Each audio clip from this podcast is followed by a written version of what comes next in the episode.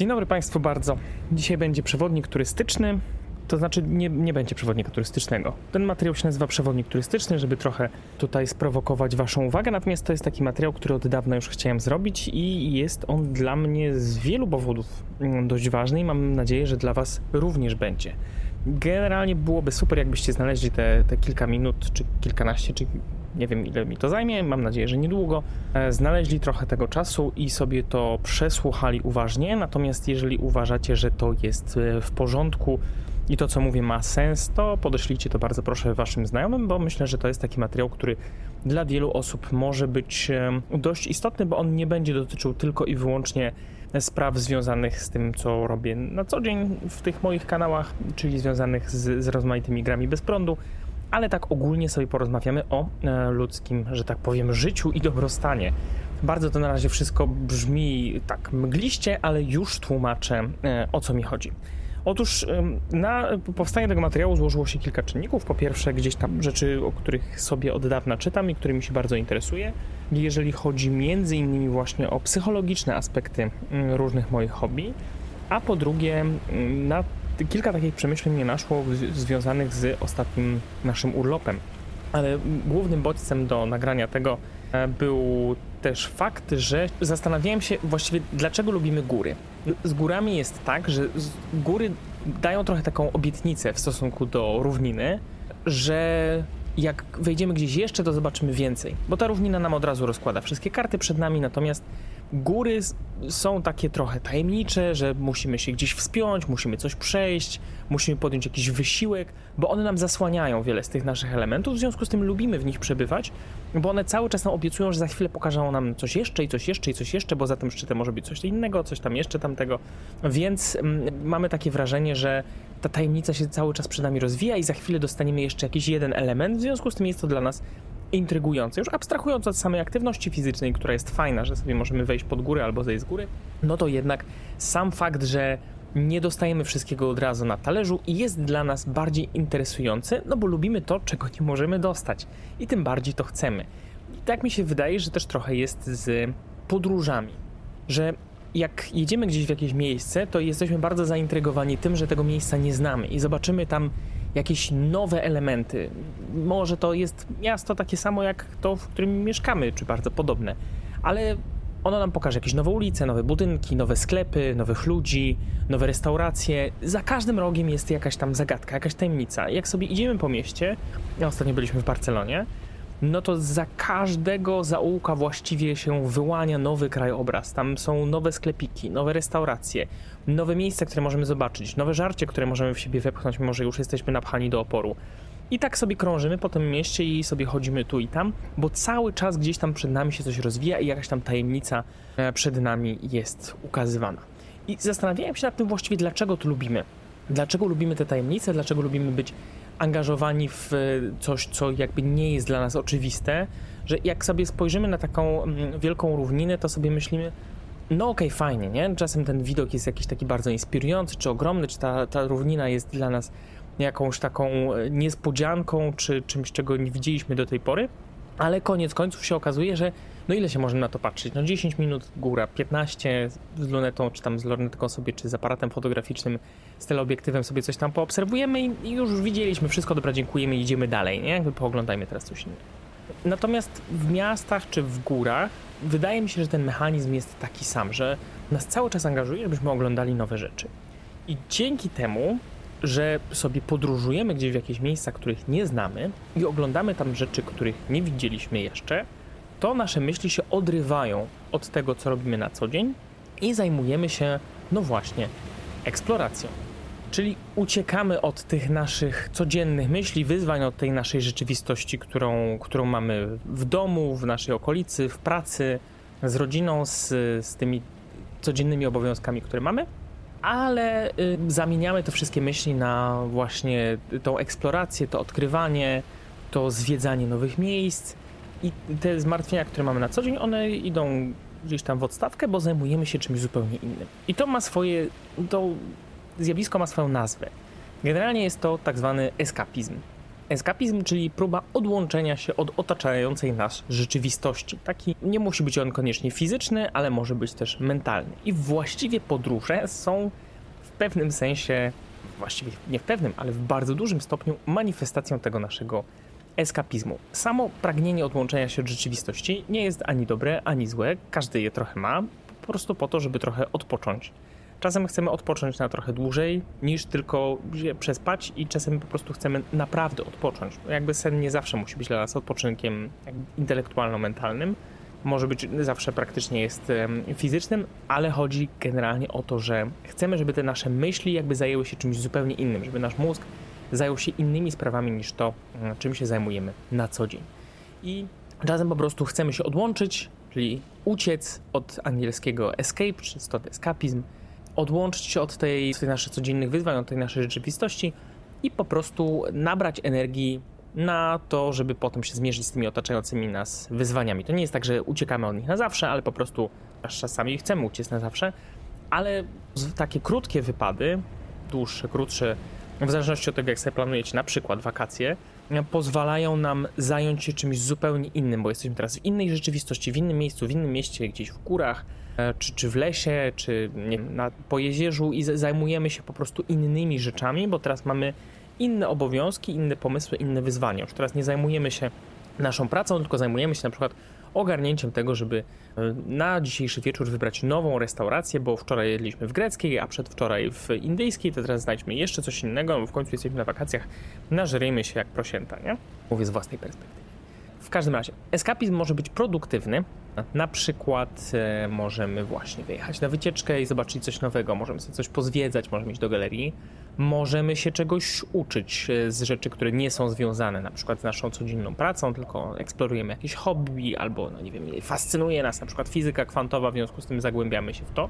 Może to być aktywność fizyczna, gdzie dbamy o swoją kondycję, dbamy o swoje zdrowie, więc to też jest produktywne, chociaż myślimy w tym momencie tylko tak naprawdę o treningu, więc e, nie zastanawiamy się nad tym, co nas czeka jutro w pracy. Może to być na przykład praca w ogrodzie, gdzie też coś tam sobie robimy produktywnego i w tym momencie zajmuje nas e, bardziej to, jakie kwiatki posadzić, czy które grządki teraz wypielić w której kolejności, a nie będziemy się zastanawiać teraz nad tym właśnie, co jutro ugotować mm, na obiad. Chociaż może też, czasem też. W każdym razie taki eskapizm pozytywny będzie działał pozytywnie na naszą, produktywny, będzie działał pozytywnie na naszą motywację, na naszą kreatywność, sprawi, że będziemy po prostu rozwiązywać inne problemy niż te, które rozwiązujemy na co dzień. I na wakacjach przy, przy wyjeździe też jest dokładnie tak samo. Mamy inne problemy, inne wyzwania, skupiamy się na zupełnie innych rzeczach i tak naprawdę uciekliśmy od tej naszej codzienności, od tej naszej rzeczywistości, żeby teraz zająć się tymi tajemnicami nowego miejsca, w którym jesteśmy. No i to jest oczywiście super. Może być też niezdrowy eskapizm, taki jak na przykład wieczna prokrastynacja, czyli cały czas zajmuj, znajdujemy sobie jakieś pierdoły do zrobienia tylko po to, żeby się nie skupiać na tych naszych obowiązkach, na tym, co powinniśmy zrobić. Mogą to też być uzależnienia. Na przykład e, czujemy, że rzeczywistość nas przytłacza, no to przywalimy sobie bongo, na przykład e, wyzerujemy się jakimiś substancjami mniej lub bardziej naturalnymi, generalnie najczęściej nielegalnymi i nasz mózg jest po prostu mm, uspokojony jak może w czasie flauty i, i w ogóle jakby się niczym nie przejmujemy, bo chemicznie po prostu się tutaj otępiamy i uciekamy od tego. To też jest eskapizm oczywiście. Jeżeli nie widzimy żadnej innej drogi, no to to już jest uzależnienie i ogromny, ogromny i też niezdrowy problem. Eskapizm może być także bierny, zupełnie, czyli ani sobie nie szkodzimy, ani sobie nie pomagamy. Na pewno to kojarzycie, czasem jesteśmy zmęczeni, w związku z tym siadamy przed telewizorem czy przed kompem, odpalamy jakiś kanał, czy to na YouTubie, czy to jakiś serial, w ogóle się nawet na tym nie skupiamy, tylko po prostu pozwalamy, żeby nasz mózg się wyłączył i gdzieś tam mniej lub bardziej biernie śledził te wydarzenia, które, mm, które mamy. Niestety pandemia na przykład bardzo w nas wzmogła. Taki bierny eskapizm, no bo nie mogliśmy wtedy za specjalnie wychodzić, spotykać się ze znajomymi, no to y, tak zwane binge'owanie, czyli oglądanie hurtem e, seriali, gdzie nawet nie zapamiętujemy za dużo z obejrzenia 10 odcinków w ciągu jednego dnia z rzędu, no bo jak, jakie dajemy sobie tutaj pole do to odpoczynku i do zastanowienia się nad tym, co właściwie obejrzeliśmy, tylko po prostu przelatujemy przez to i tak jak to wleciało jednym uchem, to wypada nam drugim. I niestety taki bierny eskapizm jest e, dość powszechny e, w tej chwili. Natomiast skoro już mówimy o eskapizmie, no to chciałbym tutaj przejść do głównego tematu, który mnie najbardziej interesuje. Oprócz e, oczywiście takich podróży fizycznych, możemy odbywać podróże niefizyczne. I nie mam tutaj na myśli tylko i wyłącznie medytacji, podróży astralnych, czy też e, przyjmowania e, DMT, żeby, żeby wystrzelić się po prostu w inny plan istnienia, ale chciałbym porozmawiać trochę o opowieściach, bo generalnie moim celem jest tutaj w ramach tego materiału, jeżeli jeszcze się tego nie domyśliliście, opowiedzenie Wam trochę, jak wygląda taki zdrowy eskapizm i co właściwie nam dają gry mm, fabularne. Na temat tego, co nam RPG dają, to chciałem już zrobić materiał na głównym kanale, bo jeżeli jeszcze nie wiecie, to są tak naprawdę dwa podcasty. Jeden, który tworzymy z Adamem, to jest Kubakaj RPG, oraz drugi, gdzie ja się wynaturzam sam i to jest właśnie ten, czyli Kubakaj Solo. Zachęcam do subskrybowania obu, ponieważ one się przeplatają oczywiście bezustannie. O co właściwie chodzi z tymi grami fabularnymi, to zrobiliśmy już materiał właśnie na Kubakaj RPG, także odsyłam tam po przesłuchaniu tego materiału, jeżeli jeszcze e, go nie słyszeliście. Natomiast chciałbym generalnie powiedzieć, że snucie opowieści jest absolutnie naturalną rzeczą i wszyscy to robimy od zarania dziejów. Odkąd ludzie nauczyli się ze sobą porozumiewać w bardziej ustrukturyzowany sposób, tworząc język, to zaczęliśmy e, właśnie snuć opowieści. Ideą opowieści jest e, nie tylko dostarczanie rozrywki, ale też od samego początku w pewien sposób edukacja, czyli uczenie nas rzeczy poprzez historię bohatera tej opowieści, czy bohaterki tej opowieści, tak, że my nie, nie, musimy sami tego doświadczyć, ale doświadcza to ktoś inny i my poprzez to, że słuchamy tej opowieści, zapamiętujemy pewne e, wnioski. Odkąd pierwsi jaskiniowcy opowiadali sobie e, historie z, przy ognisku, poprzez e, mity, bajki dla dzieci, e, tak my dzisiaj też na przykład oglądając filmy, seriale, e, czytając książki, grając w gry komputerowe, uczymy się czegoś, czego uczy się nasz bohater. Czasami to są bardzo proste historie z bardzo prostym morałem, czyli nie bądź zły, albo bądź dobry, albo pomagaj innym, pomagaj starszym, pomagaj biednym. A czasem to są bardzo złożone historie związane z tłumaczeniem nam tego, w jaki sposób działają na przykład we współczesnym nam społeczeństwie pewne relacje psychospołeczne, albo jak one działały kiedyś w przeszłości i co my możemy z tego wynieść dla siebie.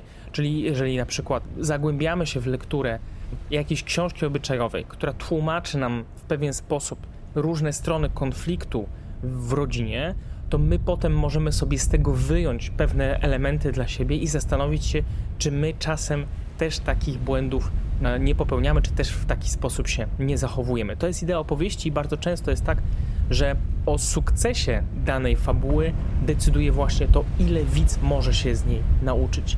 Czasem myślimy sobie, Boże, jaki ten film albo ta książka jest ciężka, a tak naprawdę chodzi w tym o to, że ona jest ciężka dla nas, bo odnajdujemy pewne elementy siebie w tych bohaterach i zaczynamy się zastanawiać, ta książka, czy, te, czy film, czy ta fabuła generalnie nas prowokuje do zastanowienia się, jak my byśmy się w danej sytuacji zachowali. I dlatego właśnie e, mówimy tutaj o, o pewnym sukcesie tej opowieści, bo on, ona realizuje to swoje założenie, że faktycznie coś w tej historii z nami zostaje sensownego i my się też czegoś aha, uczymy. I tak jak książki, filmy, gry komputerowe funkcjonują w pewnym zamknięciu. W sensie jest to pewna gotowa, przygotowana wcześniej całość i nie mamy za dużo swobody, tak naprawdę, jeżeli chodzi o, o realizowanie tej całości. Przykładowo, grając w grę komputerową, która teoretycznie daje nam największą swobodę ze wszystkich tak zwanych tekstów kultury, jeżeli nadal możemy rozmaite media nazywać tekstami kultury, no ale tak się akademicko to nazywa. Gry w teorii dają nam największą swobodę, tak? No bo na przykład dają nam otwarty świat, 50 linii dialogowych w każdym e, zadaniu, czy, czy w każdej linii fabularnej, mniejszej lub większej.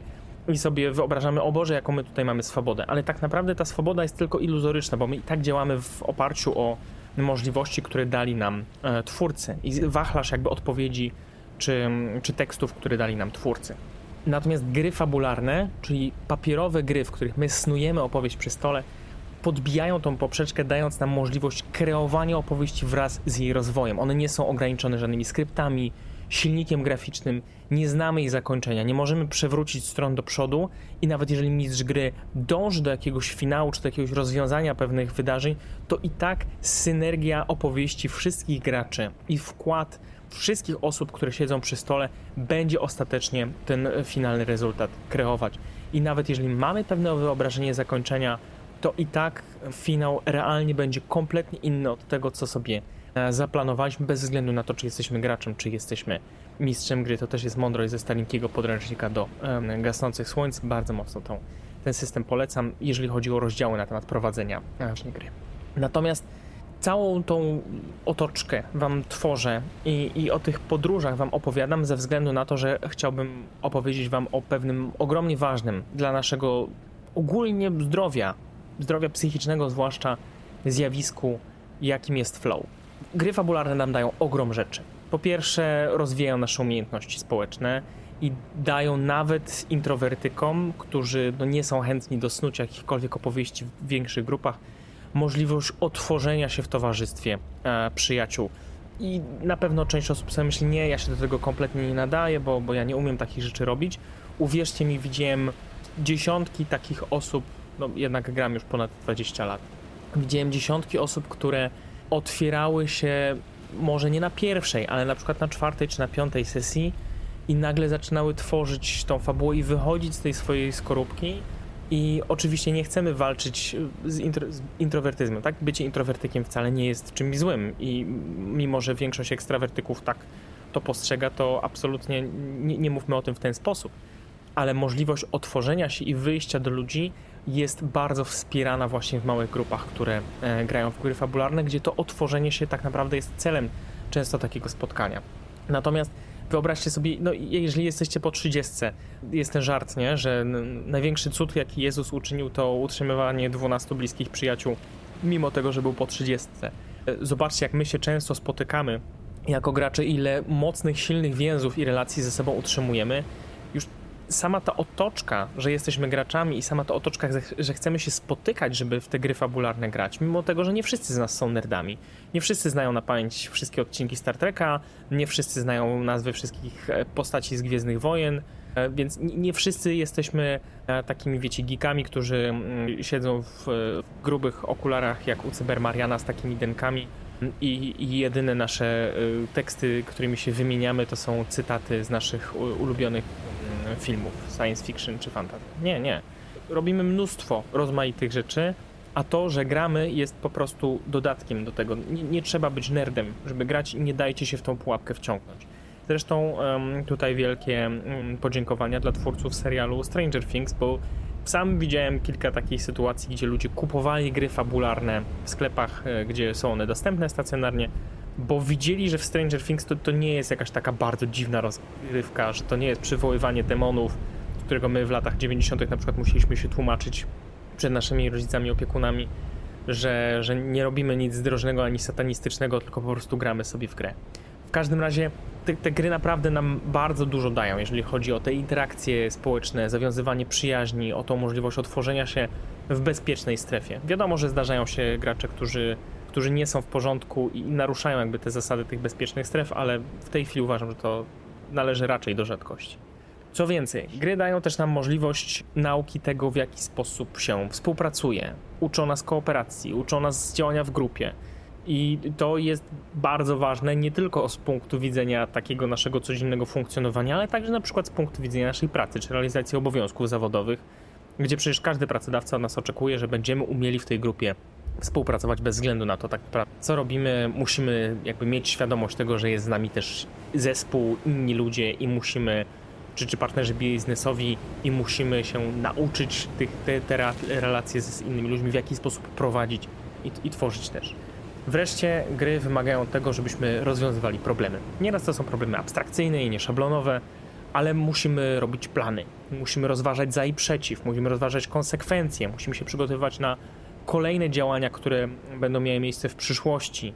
Jeżeli w, w ramach naszej rozgrywki my planujemy zamach, porwanie, albo rozwiązujemy zagadkę morderstwa, albo próbujemy powstrzymać złego lorda przed zawładnięciem naszą magiczną krainą, albo próbujemy znaleźć przyczynę tego, skąd się wziął tajemniczy wirus, który dziesiątkuje populację, to wymaga od nas, żebyśmy łączyli fakty, zastanawiali się skąd to wszystko się bierze, zbierali dowody, formułowali pewne tezy, formułowali pewne teorie robocze i ostatecznie próbowali innych bohaterów niezależnych tak zwanych przekonać do naszych racji, żeby nam się udało tą fabułę e, zamknąć i udowodnić pewne rzeczy albo osiągnąć pewne cele.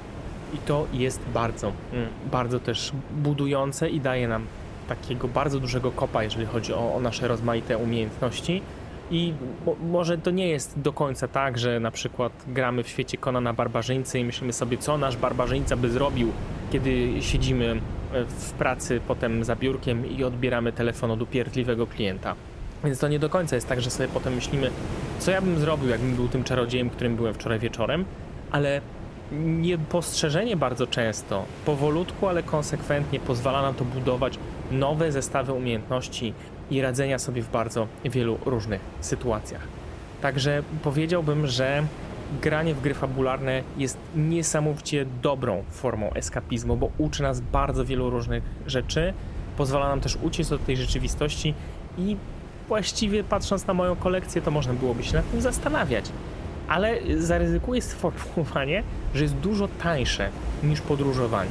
Wiadomo, podróżowanie, zwiedzanie innych miejsc, poznawanie innych kultur jest świetne i, i mało co jest w stanie to, to przebić, ale powiem Wam, że pamiętam bardzo wiele podróży, które odbyliśmy w ramach naszych sesji fabularnych niemal tak dobrze, a czasami może nawet lepiej, niż jakby to były podróże, które odbyłem realnie, fizycznie, w rzeczywistym świecie.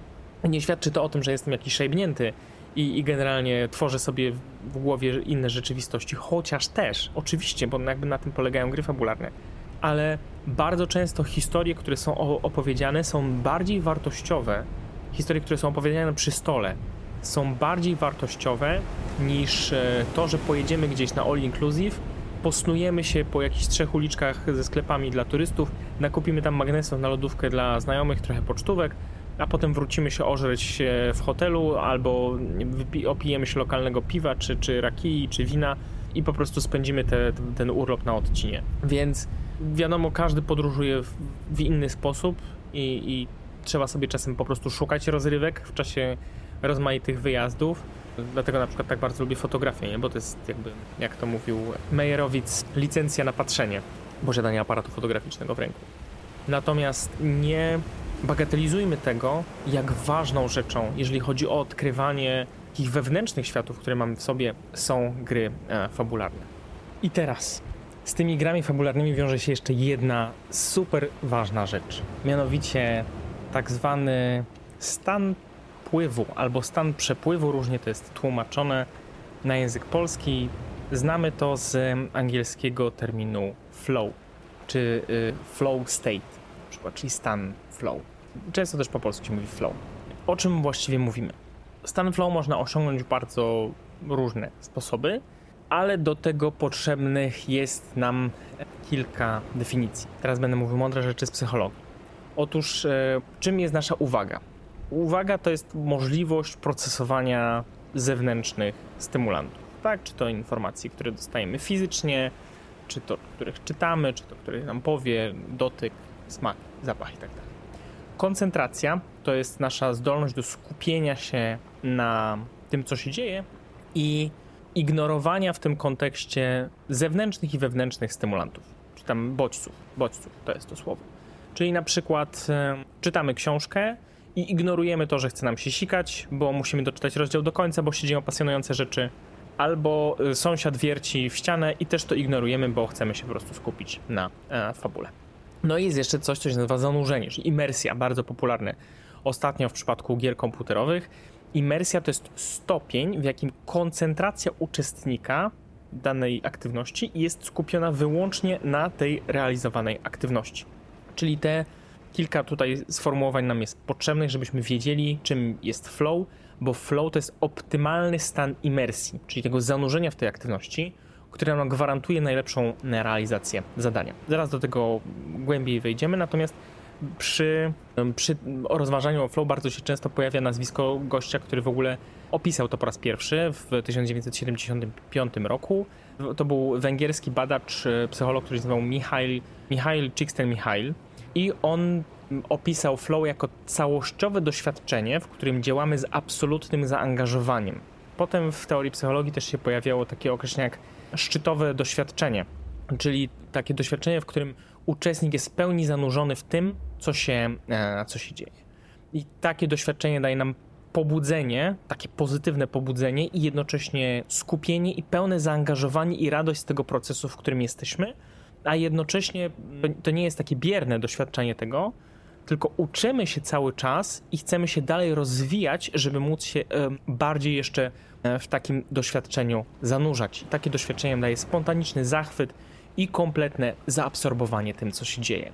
Podróżując realnie fizycznie, na przykład jak jesteśmy w jakimś miejscu nowym, to możemy tego doświadczyć na moment, na ułamek sekundy, jak wchodzimy w jakieś nowe miejsce, nie? wynurzamy się na przykład z lasu i widzimy przed sobą tą piękną grecką plażę z błękitnym morzem i, i te wszystkie egzotyczne palmy, które tam rosną i, i te wszystkie zapachy, które do nas docierają i szum morza, to czujemy takie pozytywne doświadczenie, tego zanurzamy się na moment w tym wszystkim, aczkolwiek to jest trochę bardziej bierne.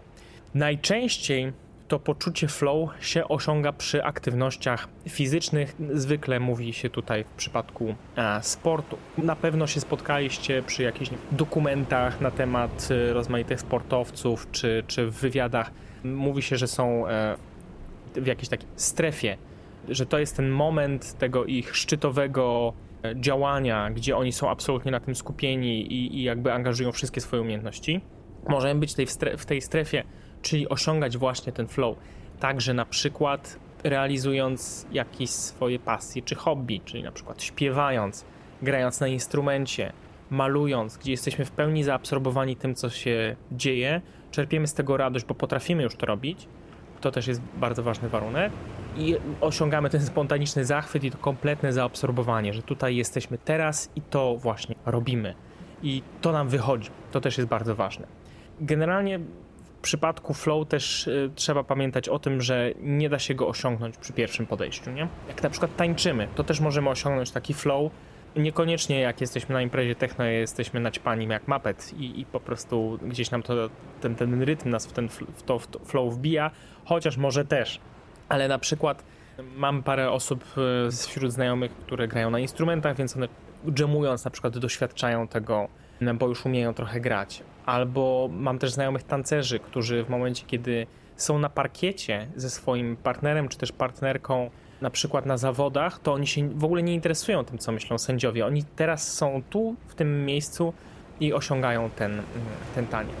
To zjawisko flow jest szczytowym, nazwijmy to, momentem, takim absolutnym szczytem eskapizmu, gdzie wszystkie te bodźce odpadają nam ze, na zewnątrz ale także wewnętrzne, nie martwimy się o niczym, tylko działamy właśnie w tym przepływie. I wśród y, aktywności, które na co dzień podejmujemy, tak naprawdę tych y, okazji tego flow mamy bardzo niewiele. Rzeczywistość wokół nas też tak działa, że raczej trudno nam się na czymś tak absolutnie skupić, zatracić, więc y, współczesny świat, który non-stop nas sztorcuje powiadomieniami, informacjami, pytaniami, informacją zwrotną itd., tak itd., tak utrudnia nam po prostu osiąganie tego, tego flow. A wielka szkoda, bo to jest dla nas ogromnie zdrowe, to nam pozwala bardzo odpocząć i daje nam bardzo dużo e, satysfakcji. Co się składa na poczucie takiego flow? To jest po pierwsze skupienie i koncentracja na danej chwili w bardzo intensywnym stopniu. Można to osiągać oczywiście właśnie na przykład poprzez taniec, poprzez śpiew.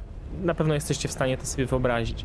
Dla mnie pierwszym takim zetknięciem z flow była teoria jazdy na rowerze górskim i bardzo często tak mam. To, to jest no, w gruncie rzeczy niebezpieczna aktywność.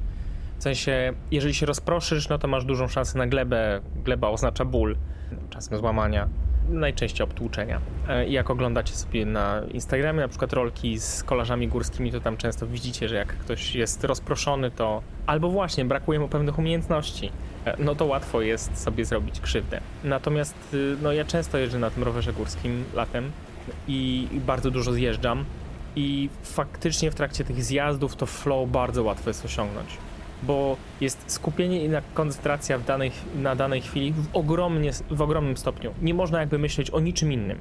I w przypadku grania w gry fabularne też to flow da się osiągnąć. i to, i to jest bardzo ciekawe, że bardzo niewiele aktywności tak naprawdę pozwala nam to flow osiągnąć, a gry fabularne to robią. Więc skupienie, koncentracja to jest pierwsza rzecz. Druga rzecz, poczucie flow, to jest połączenie działania, skupienia uwagi i świadomości, czyli cała nasza świadomość, cała nasza uwaga jest połączona w tym działaniu, w tym, co teraz robimy. To może być sport oczywiście, to może być ta moja jazda na rowerze, to może być śpiew, to może być taniec, ale to może być również siedzenie przy stole i planowanie zamachu na złego księcia, albo rozkminianie serii dowodów, które leżą na przykład na stole, które mistrz gry nam przygotował, a po stronie mistrza gry to jest to budowanie kolejnej sceny już w głowie i nakręcanie się na temat tego, co się teraz wydarzy. Więc to poczucie, że, że cała ta nasza uwaga, którą mamy z tego pierwszego jakby punktu, jest zaangażowana w to działanie, jest dla nas też ogromnie satysfakcjonujące. Po trzecie, samoświadomość refleksyjna, czyli to spojrzenie z zewnątrz. Jak czasem macie takie momenty, że na przykład, nie wiem, siedzicie sobie w autobusie i myślicie sobie, o, siedzę w autobusie, nie? Nagle tak zdajecie sobie sprawę z tego, co się dzieje. Generalnie to, to, to ta świadomość tego, że wiem, kim jestem, gdzie jestem, co robię, to jest zawieszone. Na rowerze oczywiście to jest zawieszone, bo ja się nie mogę zastanawiać, co ja teraz robię na tej trasie, bo ja wiem, że na niej jestem i teraz muszę się skupiać na tym, co będę robić na kolejnych zakrętach. Ale w przypadku grania w grę bardzo często ta nasza świadomość, ja jestem Kuba, jestem mistrzem gry tutaj przy stole, ona w ogóle nie jest istotna. Teraz jest istotne to, że jesteśmy na statku kosmicznym, w którym za chwilę eksploduje reaktor i wszyscy skupiamy się na tym, gracze, żeby znaleźć rozwiązanie, a ja na tym, żeby im dostarczyć jak najwięcej informacji i jak najlepszego poczucia tego zagrożenia na przykład. Albo jesteśmy na balu i teraz gracze są arystokratami z jakiegoś wyimaginowanego parawiktoriańskiego świata, a ja staram się im dostarczyć to uczucie, jak to jest być na takim balu pośród arystokracji, szlachty, całego tego splendoru i bogactwa. To jest to nasze zanurzenie w tej chwili, to jest nasza imersja i my nie zastanawiamy się nad tym, kto przy tym stole siedzi, tylko co się dzieje, jak wygląda ten teatr w naszej głowie. Czwarta rzecz, e, co, która składa się na poczucie flow, to jest silne poczucie wewnętrznej kontroli nad sytuacją, że to my mamy kontrolę nad sytuacją. Oczywiście mistrz gry ma poczucie kontroli nad sytuacją. Ja na rowerze też mam poczucie kontroli nad sytuacją, bo nie umieram w danym momencie, czyli kontroluję to, co się dzieje, moje ciało i mój rower. Osoba, która śpiewa, jeżeli kontroluje swój głos, no to ma to poczucie kontroli, ono jest tutaj niezbędne tak naprawdę do tego flow, czyli musimy już coś umieć. A gracze, którzy siedzą, też mają to poczucie kontroli, że oni wiedzą, co ten ich bohater zrobi, oni wiedzą, jakie działania teraz podejmą. Nawet jeżeli dany krok w fabule jest niejasny, to jasne jest dla nich to, że oni chcą go podjąć, więc to, to poczucie sprawczości i kontroli, to ok, to ja łapię kości i rzucam, to też jest bardzo tutaj ważnym elementem tego, tego poczucia flow. Piąty punkt, zabu znaczne zaburzenie poczucia czasu. Czas nam leci i nie wiemy kiedy. Na rowerze też tak jest, że człowiek zjeżdża i myśli sobie, o Boże, 3 minuty i już jestem na dole, a okazuje się, że zjeżdżamy przez 20 minut i tak naprawdę całe nasze ciało już w tym momencie wyje i krzyczy, ale wszystkie te zewnętrzne stymulanty e, zostają odcięte, zewnętrzne i wewnętrzne, zarówno na przykład upał, czy, czy wiatr, ale też wewnętrzne poczucie zmęczenia, to, że chce mi się pić, to, że nie chce mi się sikać, czy że jestem głodny, zapominam o tym, bo to nie jest istotne. Jakby w ramach tej koncentracji odcinam zewnętrzne i wewnętrzne bodźce i gracze przy stole mają dokładnie to samo. Czasem gramy i nagle się orientujemy, że już jest 23.30 i właściwie to wypadałoby kończyć, ale jesteśmy tak zanurzeni, że wydaje nam się, że ten czas po prostu błyskawicznie e, zleciał. No i wreszcie poczucie satysfakcji z działania. To jest ostatni, szósty punkt, który się składa na to poczucie flow. To jest takie we, taka wewnętrzna nagroda. Samo działanie jest dla siebie nagrodą. To, I to płynie z wewnątrz bez względu na to, czy jaki jest ostateczny rezultat tego działania, czy to jest sukces, czy to jest porażka, czy fizycznie coś powstaje, czy coś narysowaliśmy w czasie tej sesji, czy coś odkryliśmy, czy dostaliśmy jakieś punkty, czy nie, efekt tego działania jest i nagrody są bardzo mało istotne. Ważne jest to, że bierzemy udział w tym działaniu. Nawet jeżeli nie wygrywamy tego konkursu tańca, to sam w sobie akt tańczenia do muzyki, zatracenie się w tym ruchu, w tej muzyce, w tym rytmie, w dotyku partnera czy partnerki jest ogromną nagrodą samą dla siebie i to nam daje uczucie satysfakcji. I mam nadzieję, że już teraz zaczynacie widzieć, dlaczego flow jest tak dobre w ogóle, w sensie, dlaczego to poczucie daje tyle satysfakcji. Bo nagle się okazuje, że jesteśmy zdolni do osiągania bardzo dużej satysfakcji, bardzo dużego poziomu zadowolenia z tego, co robimy, jak funkcjonujemy, bez względu na to, czy dostajemy zewnętrzne stymulanty, czy nie. I to jest po prostu dla nas zdrowe, to jest satysfakcjonujące, to podbija poczucie naszej wartości, to pozwala nam na uzyskiwanie takiej motywacji, że okej, okay, może jutro będzie trudny dzień, ale fan, wczoraj była fantastyczna sesja i, i, nawet jeżeli siedzimy potem w pracy, to myślimy sobie, kurde, ale się dobrze wczoraj grało, nie? I, I, dzisiaj mam taką motywację, żeby prze, przejdę ten dzień, nie będę się poddawać, bo, bo za tydzień jest kolejna sesja, będę wiedzieć, co jest dalej. I te gry fabularne, nawet mimo tego, że nie, nie dla wszystkich, one muszą oznaczać taką kon konkretną nerdozę. I nawet jeżeli gramy w science fiction, to nie wszyscy muszą wiedzieć, jak działa, nie wiem, napęd Alkubiera, żeby się cieszyć z latania statkiem kosmicznym. Tylko ta satysfakcja, że znowu pojedziemy do herszta tych gwiezdnych piratów i rzucimy mu głowę jego odciętego brata na stół i powiem, ha, teraz to my jesteśmy górą. To jest takie budujące i motywujące i pozwala nam na sięganie czasem do tej satysfakcji, którą mieliśmy w czasie tego flow, żeby znowu poczuć się trochę lepiej, nawet jeżeli ta rzeczywistość wokół nas nie jest taka, e, taka kolorowa czy tak nam sprzyjająca. To samo jest z wakacjami. Jak sobie siedzimy w robocie i myślimy sobie, ale te skalopki z Jagnięciny w Barcelonie były pyszne, to trochę nam jest lepiej w życiu. A tutaj możemy doświadczać takich podróży w różne miejsca, zarówno fizycznie, jak i emocjonalnie, dużo częściej, mm, nie oczekując jakby tego od siebie, że musi nas stać być na wypad za granicę w, e, w każdy weekend. Co się musi wydarzyć, żebyśmy w ogóle takie flow mogli osiągnąć? Otóż po pierwsze, ta aktywność musi mieć pewną strukturę.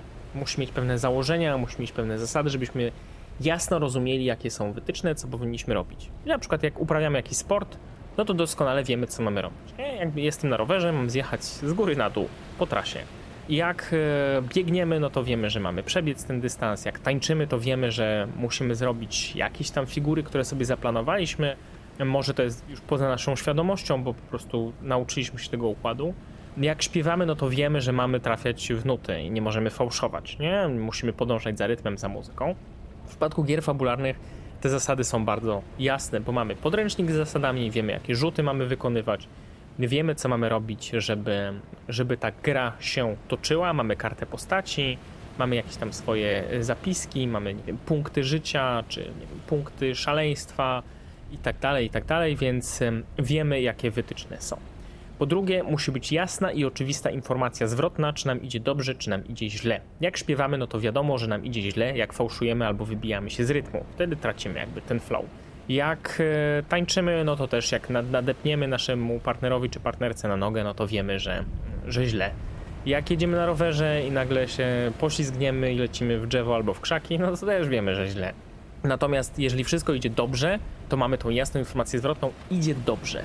W grze to mogą być rzuty, to może być reakcja mistrza gry, to może być reakcja innych graczy, to może być nasza wewnętrzna satysfakcja ze sceny, więc mamy tą natychmiastową informację zwrotną, że jest ok, że dzieje się to, co się ma dziać, że na, nawet jeżeli nie wygrywamy, to i tak gra się toczy dalej, więc, yy, więc dalej mamy to poczucie satysfakcji. I wreszcie bardzo ważne, balans pomiędzy stopniem wyzwania a poczuciem pewności siebie uczestnika musi być tak zrównoważony, że uczestnik ma pewność, że realizacja danego zadania mieści się w granicach kompetencji. Czyli mamy pewność, że to się może udać. Nie mamy gwarancji, że się uda, ale mamy pewność, że w ramach naszych umiejętności jesteśmy w stanie coś zrobić. Czyli jeżeli ja wjeżdżam na zieloną trasę, to ja się będę raczej na niej nudził, bo jakby już bardzo długo jeżdżę na rowerze i po prostu takie trasy są, no okej, okay, nie? Jakby czasem się dobrze na nich bawię, bo na przykład stopniuję sobie to wyzwanie prędkością e, przejazdu, natomiast lepiej się bawię na trasie, która jest dla mnie kompletnie angażująca. Jak śpiewamy w laskotek, no to też to jest łatwe, Natomiast jeżeli ktoś nam każe zaśpiewać arię operową i wiemy, że to jest poza naszą skalą w ogóle i poza naszymi umiejętnościami, no to będzie dla nas problem, będziemy się źle bawić. Nie osiągniemy tego flow, bo jesteśmy cały czas przerażeni tym, że, że to wyzwanie nas przerasta. Jeżeli na przykład uprawiamy sporty walki i walczymy z kimś, kto jest na naszym poziomie, to wiemy, że możemy go pokonać, więc wchodzimy w ten flow, odcinamy te bodźce zewnętrzne, te zbędne bodźce wewnętrzne i skupiamy się tylko na realizacji tego naszego zadania. Super się bawimy, że jesteśmy w tej walce, bo ona jest wyrównana. A jeżeli wchodzimy z kimś, kto waży od nas 20 kg więcej i trenuje 10 lat dłużej, no to wiemy, że tutaj nie, nie będzie żadnych, że nie mamy tego poczucia, że to się nam może udać. Mamy właściwie gwarancję, że się nie uda, nie? Jeżeli nie mamy tego poczucia, że jest szansa na sukces, y, szansa, szansa, szansa, szansa na sukces, to nie będziemy tego wyzwania podejmować. Jeżeli jesteśmy w jakimś obcym mieście, i nie mamy za grosz poczucia orientacji w terenie, to jesteśmy bardziej przerażeni tą eksploracją niż z niej zadowoleni, bo musimy korzystać z zewnętrznego bodźca, czy mamy telefon z nawigacją, a tam powiadomienie, a ciotka Krysia to jest w tej chwili w Egipcie, a coś tam jeszcze. Przestajemy się w ogóle nad tym skupiać, że jesteśmy w jakimś innym miejscu, nagle jesteśmy z tym telefonem. Nie? To nie, nie podnosimy te, tego wzroku, żeby sobie oglądać miejsce, gdzie jesteśmy, bo jesteśmy przerażeni tym, że się zgubimy. I z grami fabularnymi też jest tak, że w czasie pierwszych kilku sesji raczej trudno jest ten flow wpaść, bo jesteśmy przerażeni tym, że nie znamy mechaniki, nie znamy zasad, trochę nam głupio odgrywać przy innych ludziach, nie wiemy jaki jest ich stopień tego zaangażowania, co tutaj się będzie działo, więc musimy mieć ten balans pomiędzy stopniem wyzwania a naszymi umiejętnościami. Im jesteśmy w coś lepsi, tym bardziej podnosimy sobie poprzeczkę, żeby móc działać w tym pełnym zaangażowaniu, że 100% naszych umiejętności w to idzie, my wiemy, że to 100% wystarcza, żeby to zadanie zrealizować i tak trochę balansujemy nad tym, że nie nudzimy się jeszcze, że to nie jest dla nas za łatwe, ale jest to dla nas odpowiednio stymulujące i osiągamy to, o czym już mówiliśmy, że chcemy się uczyć, chcemy się rozwijać, chcemy jeszcze więcej i więcej, bo chcemy, żeby to poczucie było jeszcze i jeszcze głębsze. I gry fabularne mogą dawać bardzo głębokie poczucie flow dla całej współpracującej grupy osób, czyli graczy i mistrza gry, w stopniu, który jest bardzo trudny do osiągnięcia w innych aktywnościach. I to jest wyjątkowe medium, rozrywka, wyjątkowy sposób na spotkania ze znajomymi, jeżeli chodzi o naszą, nasze poczucie satysfakcji, o nasz rozwój, o nasze uczenie się i o nasz eskapizm taki bardzo zdrowy, bo związany z budowaniem pewnych kompetencji ale też przede wszystkim z ogromną zabawą i z tą satysfakcją z samego działania, z działania samego dla siebie bez konieczności uzyskiwania jakiejś nagrody. Jasne, e, sporty mm, też e, tutaj działają i sporty i gry mają to ze sobą wspólnego, że, że dają jasne wytyczne, jakie bodźce są ważne, a jakie bodźce są nieważne i trzeba je odrzucić w danym momencie, żeby to, to flow osiągnąć. Natomiast y, sport wymaga synergii, y, żeby to poczuć z grupą ludzi. Nie? Musimy mieć y, synergię w komunikacji intelektualną, na przykład w znajomości taktyki, strategii tego, co chcemy zrobić, zasad, ale wymagają także e, wyrównanej, nie niskiej często sprawności fizycznej u uczestników.